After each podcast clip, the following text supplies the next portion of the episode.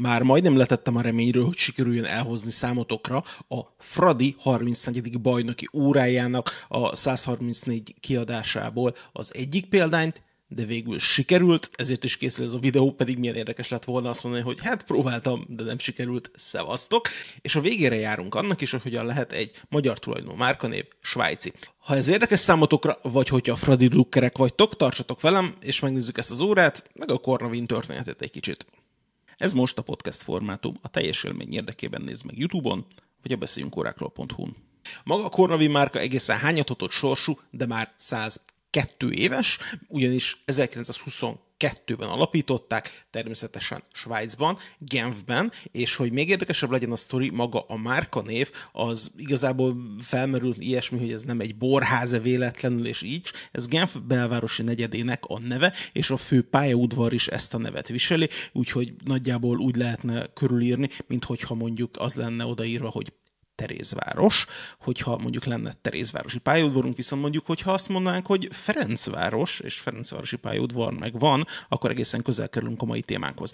De az alapítás után nem sokkal, 1934-ben a svájci illetőségű cég egy vállási ok miatt egyébként megszűnt, viszont a legelső márkanév, amit Kornavin néven bejegyeztek, a márkanevek bejegyzési jegyzéke szerint 1954-es Bankoki, a második bejegyzés pedig tíz évvel későbbről Panamából származik, úgyhogy jól lehet látni, hogy bár az eredet svájci volt, azért a gyártás, vagy hát legalábbis a gyártási folyamatok egy része, ezek alapján úgy tűnik, hogy nem Svájcban történt, és akkor ezt még tudjuk fokozni azzal, hogy a Virgin-szigetek valami különleges jogállás alá kerültek, az ugye Amerikának a partjainál van, valahol Puerto Rico és környéke, ugye Puerto Ricoi a spanyol Virgin-szigetek, a, általában a Virgin-szigeteknek a brit Virgin-szigeteket nevezik, és van egy ugye egy amerikai Virgin-szigetek része. Na most különleges jogállás alá kerültek, és ide behozatali vám nélkül lehetett órákat, alkatrészeket és ilyesmiket hozni, és emiatt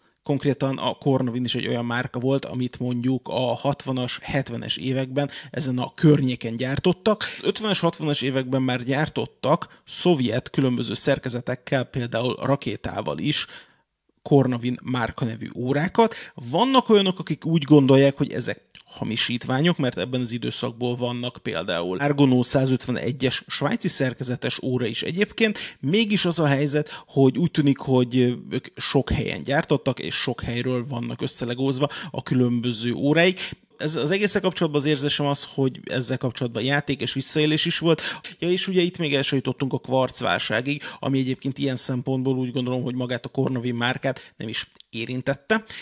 Viszont az igen, hogy a panamai forgalmazó cég 2002-ben megszűnt, és ezután került 2003-tól az Ungaros Swisshez, ugye ennek a cégnek kettő tulajdonosa van, egy csendestárs, és Bashar Najari úr, aki pedig a zsolnai gyárnak is jelenleg például a tulajdonosa. Ő ugye egyébként szír származású svájci-magyar üzletember, és így szerezték meg magát a Kornavin márkát. És azért lássuk, hogy erre a márkára azért ráfért az összerántás. Ezek után ugye létre is hoztak egy külön céget, erre a Kornavin Vacsiz AG névre hallgat, ami Zürichben van, és Bashar úrnak a fia Omar vezeti, és akkor lényegében visszaértünk oda, hogy egy svájci székhelyű, Swiss made feliratos, svájci szerkezetes óra az, ami most megérkezik ebben a pillanatban hozzánk. Tehát lényegében egy magyar-magyar kollaboráció lehet itt velünk, ami egyébként egy kis kerülő útján valahol mégiscsak svájci, úgyhogy tök jól néz ki az,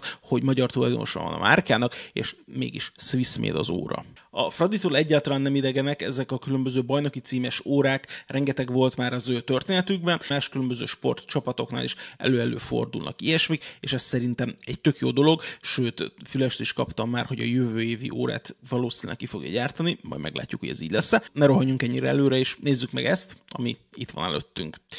Ami elsőre szembe ütlő ezen az órán, természetesen a nyolcszögféle tokforma. Akik általában képben vannak az órák világával, ismerik a főbb zsánereket, azoknak ez egyáltalán nem meglepő. Ez a nyolcszög formájú tok, amin egyébként külső csavarok vannak, van több korábbi zsáner, ami emlékeztethet minket, és itt most lehet egész nyugodtan ápézni, üblózni, pateknautilusozni, ami éppen igazából jó esik. Tény, hogy egyébként emlékeztet ezekre. Ugye ez a modell, ami itt előttünk van, a Cornavinnek a Downtown 3H szériájára épül, tartalmazza nyilván a Fradi logót e, és a 34. bajnoki címet, a hátulján pedig ugye lézeres gravírozást, és ezek azok, amik testre szabások ezen az órán, minden más pedig a Downtown-nak a korábbi modelljére emlékeztet, és ez már csak azért is érdekes, mert a Downtown modell sold out úgy, hogy egyébként az egy limitált 1000 darabos, vagy hát 999 darabos kiadás volt, ami egyébként meglepő, hogy, hogy ezt abban az árban elkapkodták. E, érdekes, hogy a kettő kettő ára között, tehát hogy a downtownnak a listára és az, az órának az ára között valami minimális olyan 15%-os különbség van, hát ugye ez egyfajta olyan prémium, amit valakinek, hogyha szeretne egy még annál is sokkal limitáltabb, tehát ugye ez most egy 134 darabra limitált. Ugye ez elég szarul nézett volna, hogy 34. bajnoki cím a Fradinak, és ezért 34 órát adnak el, az már, azt már régeség elkapkodták volna. Itt most a Fradi Shopnak a, pont az előbb néztem meg az infóját, tehát hogy néhány perces, mire ti meglátjátok ezt a videót, addigra mondjuk egy-két napos ez az információ, de hogy több mint a felét eladták már, és ez szerintem egyébként nem annyira rossz, nyilván annak mindenki örülne, hogyha kikerülne az óra, és három nap alatt sold out lenne, de úgy gondolom, hogy azért ez mégiscsak egy nis termék. Nyilván nem való mindenkinek ez az óra, de úgy gondolom, hogy azért Fradi rajongóknak kötelező.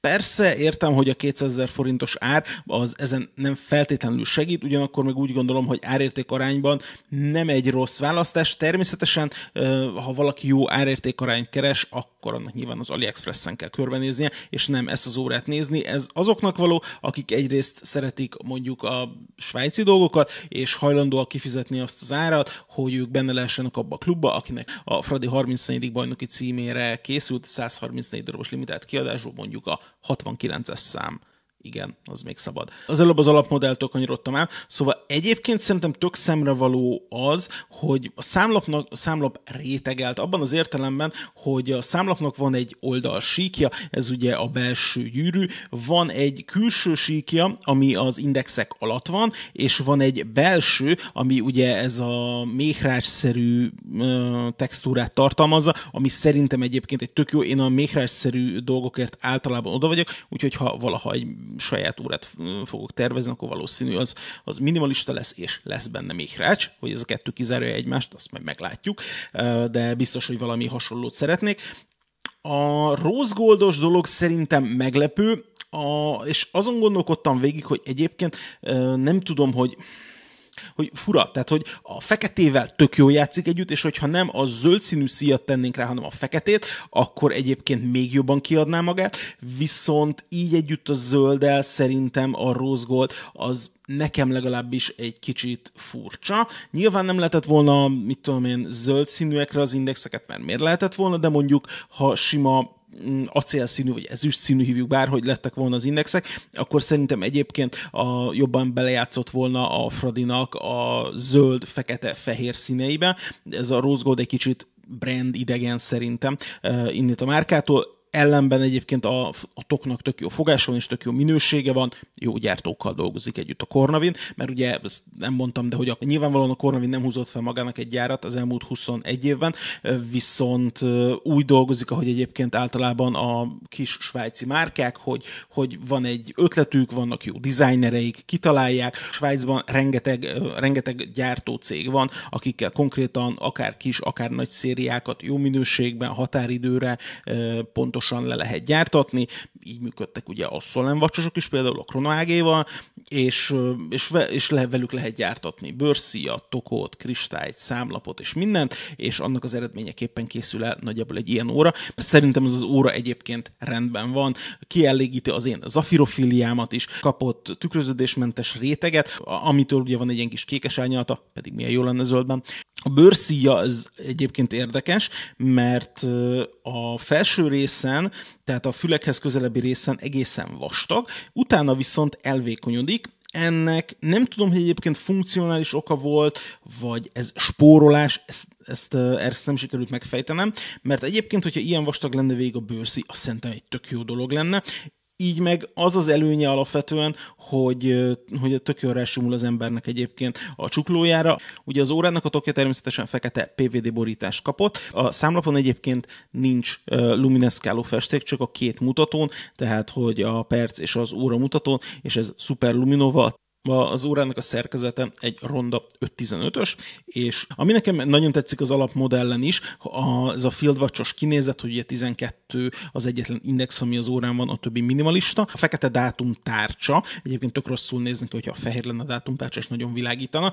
Így egy kicsit meg nem biztos, hogy elsőre amúgy feltűnik az embernek, hogy ú, most akkor mi van. A vízállósága ugye ennek 50 méter, amilyen kinyitható, bepattintható koronától azért sokkal többet igazából az ember nem is vár várhat. Tömzsik egyébként a fülei, úgyhogy ezzel alapvetően nincs gond. Voltak barátaim, akikkel beszéltünk erről az óráról, és azt mondták, hogy ú, hát miért nem lehetett ebből 44-est. Van 44 és feles Quartz Chrono verziója. Lehet, hogy az szerencsésebb lett volna, mert hogyha mondjuk megnézi az ember, hogy kik azok, akik mondjuk egy adott márkáért rajonganak, és ők mekkora méretű órákat szeretnek általában, lehet, hogy ebből mondjuk kijött volna az, hogy mondjuk a 44-es az egyébként sokkal jobb, nem tudom. Erre azt írják több helyen, hogy 41 egyes a méret, én, én azért fogtam magam, és én, én szeretem nem elhinni az ilyesmiket, tolómérővel rámentem, és 41-9 alatti értéket nem tudtam rajta mérni, ezt azért a matematika szerint bárhogyan felfelé kell kerekíteni, viszont 42 felett meg tudtam mérni, mert ugye nem kerek a tok, hanem szögletes, és akkor itt azért lehet különböző szögeket találni, ahogy lehet mérni, például, hogyha a tokfültől, például, hogyha koronavédőktől mérem át hosszantiban, akkor majdnem 43 milli maga az óra, de ugye ezek a szögletes tokformájú órák azok mindig trükkösek. Szerintem ez egy nagyon-nagyon-nagyon hordható méretű óra. Én nem tartozom azok közé, akik egyébként fikázzák, hogy ó, hogy ez mennyire kicsi. Volt olyan is, aki arra ragadtattam, hogy hogy ó, hogy ez női méretű óra. Egyáltalán nem. Elhiszem, hogy, hogy az óra méretekben megszoktuk azt, hogy nagyobb és nagyobb és még nagyobb, de szerintem mondom, ez egy kellemes és hordható méretű óra. A szíját már dicsértem, és ez a krokodil mintázat egyébként tetszik benne. Ugye bőrből van, Cornavin logóval, fekete PD, PVD a csatja, és az egyik oldal fix, a másik oldalon állítható. A hátulja tartalmaz minden szükséges és nem szükséges információt, és ugye a legfőbb dolog, hogy magát a serleget, és természetesen ennek az órának a sorozat számát is, ami jelen esetben a 14-es számú, ami egyébként a csomagolásban belül a kártyán is szerepel, tehát hogy ehhez kap ugye mindenki szertifikétet, szokásos dolgokat, vásárlási dátumot, garanciát és minden ilyesmit, amit általában kell. Szóval a doboznak a fogása egyébként tök jó, nagyon tetszik ezek a, a dobozon ezek a lecsapott fülek, ami szintén egy nyolcszöget alkot így, tehát lényegében idézi a, az órának a stílusát, ugye benne vannak a logókák, és amiről csak ugye mérsékelten beszéltem, hogy ugye az óra tartalmaz még egy szíkészletet, ugye a fekete bőrszíjak is mellé vannak. Hogyha valaki nem szeretné ezt zöld szíjon hordani, akkor hordhatja a feketén is.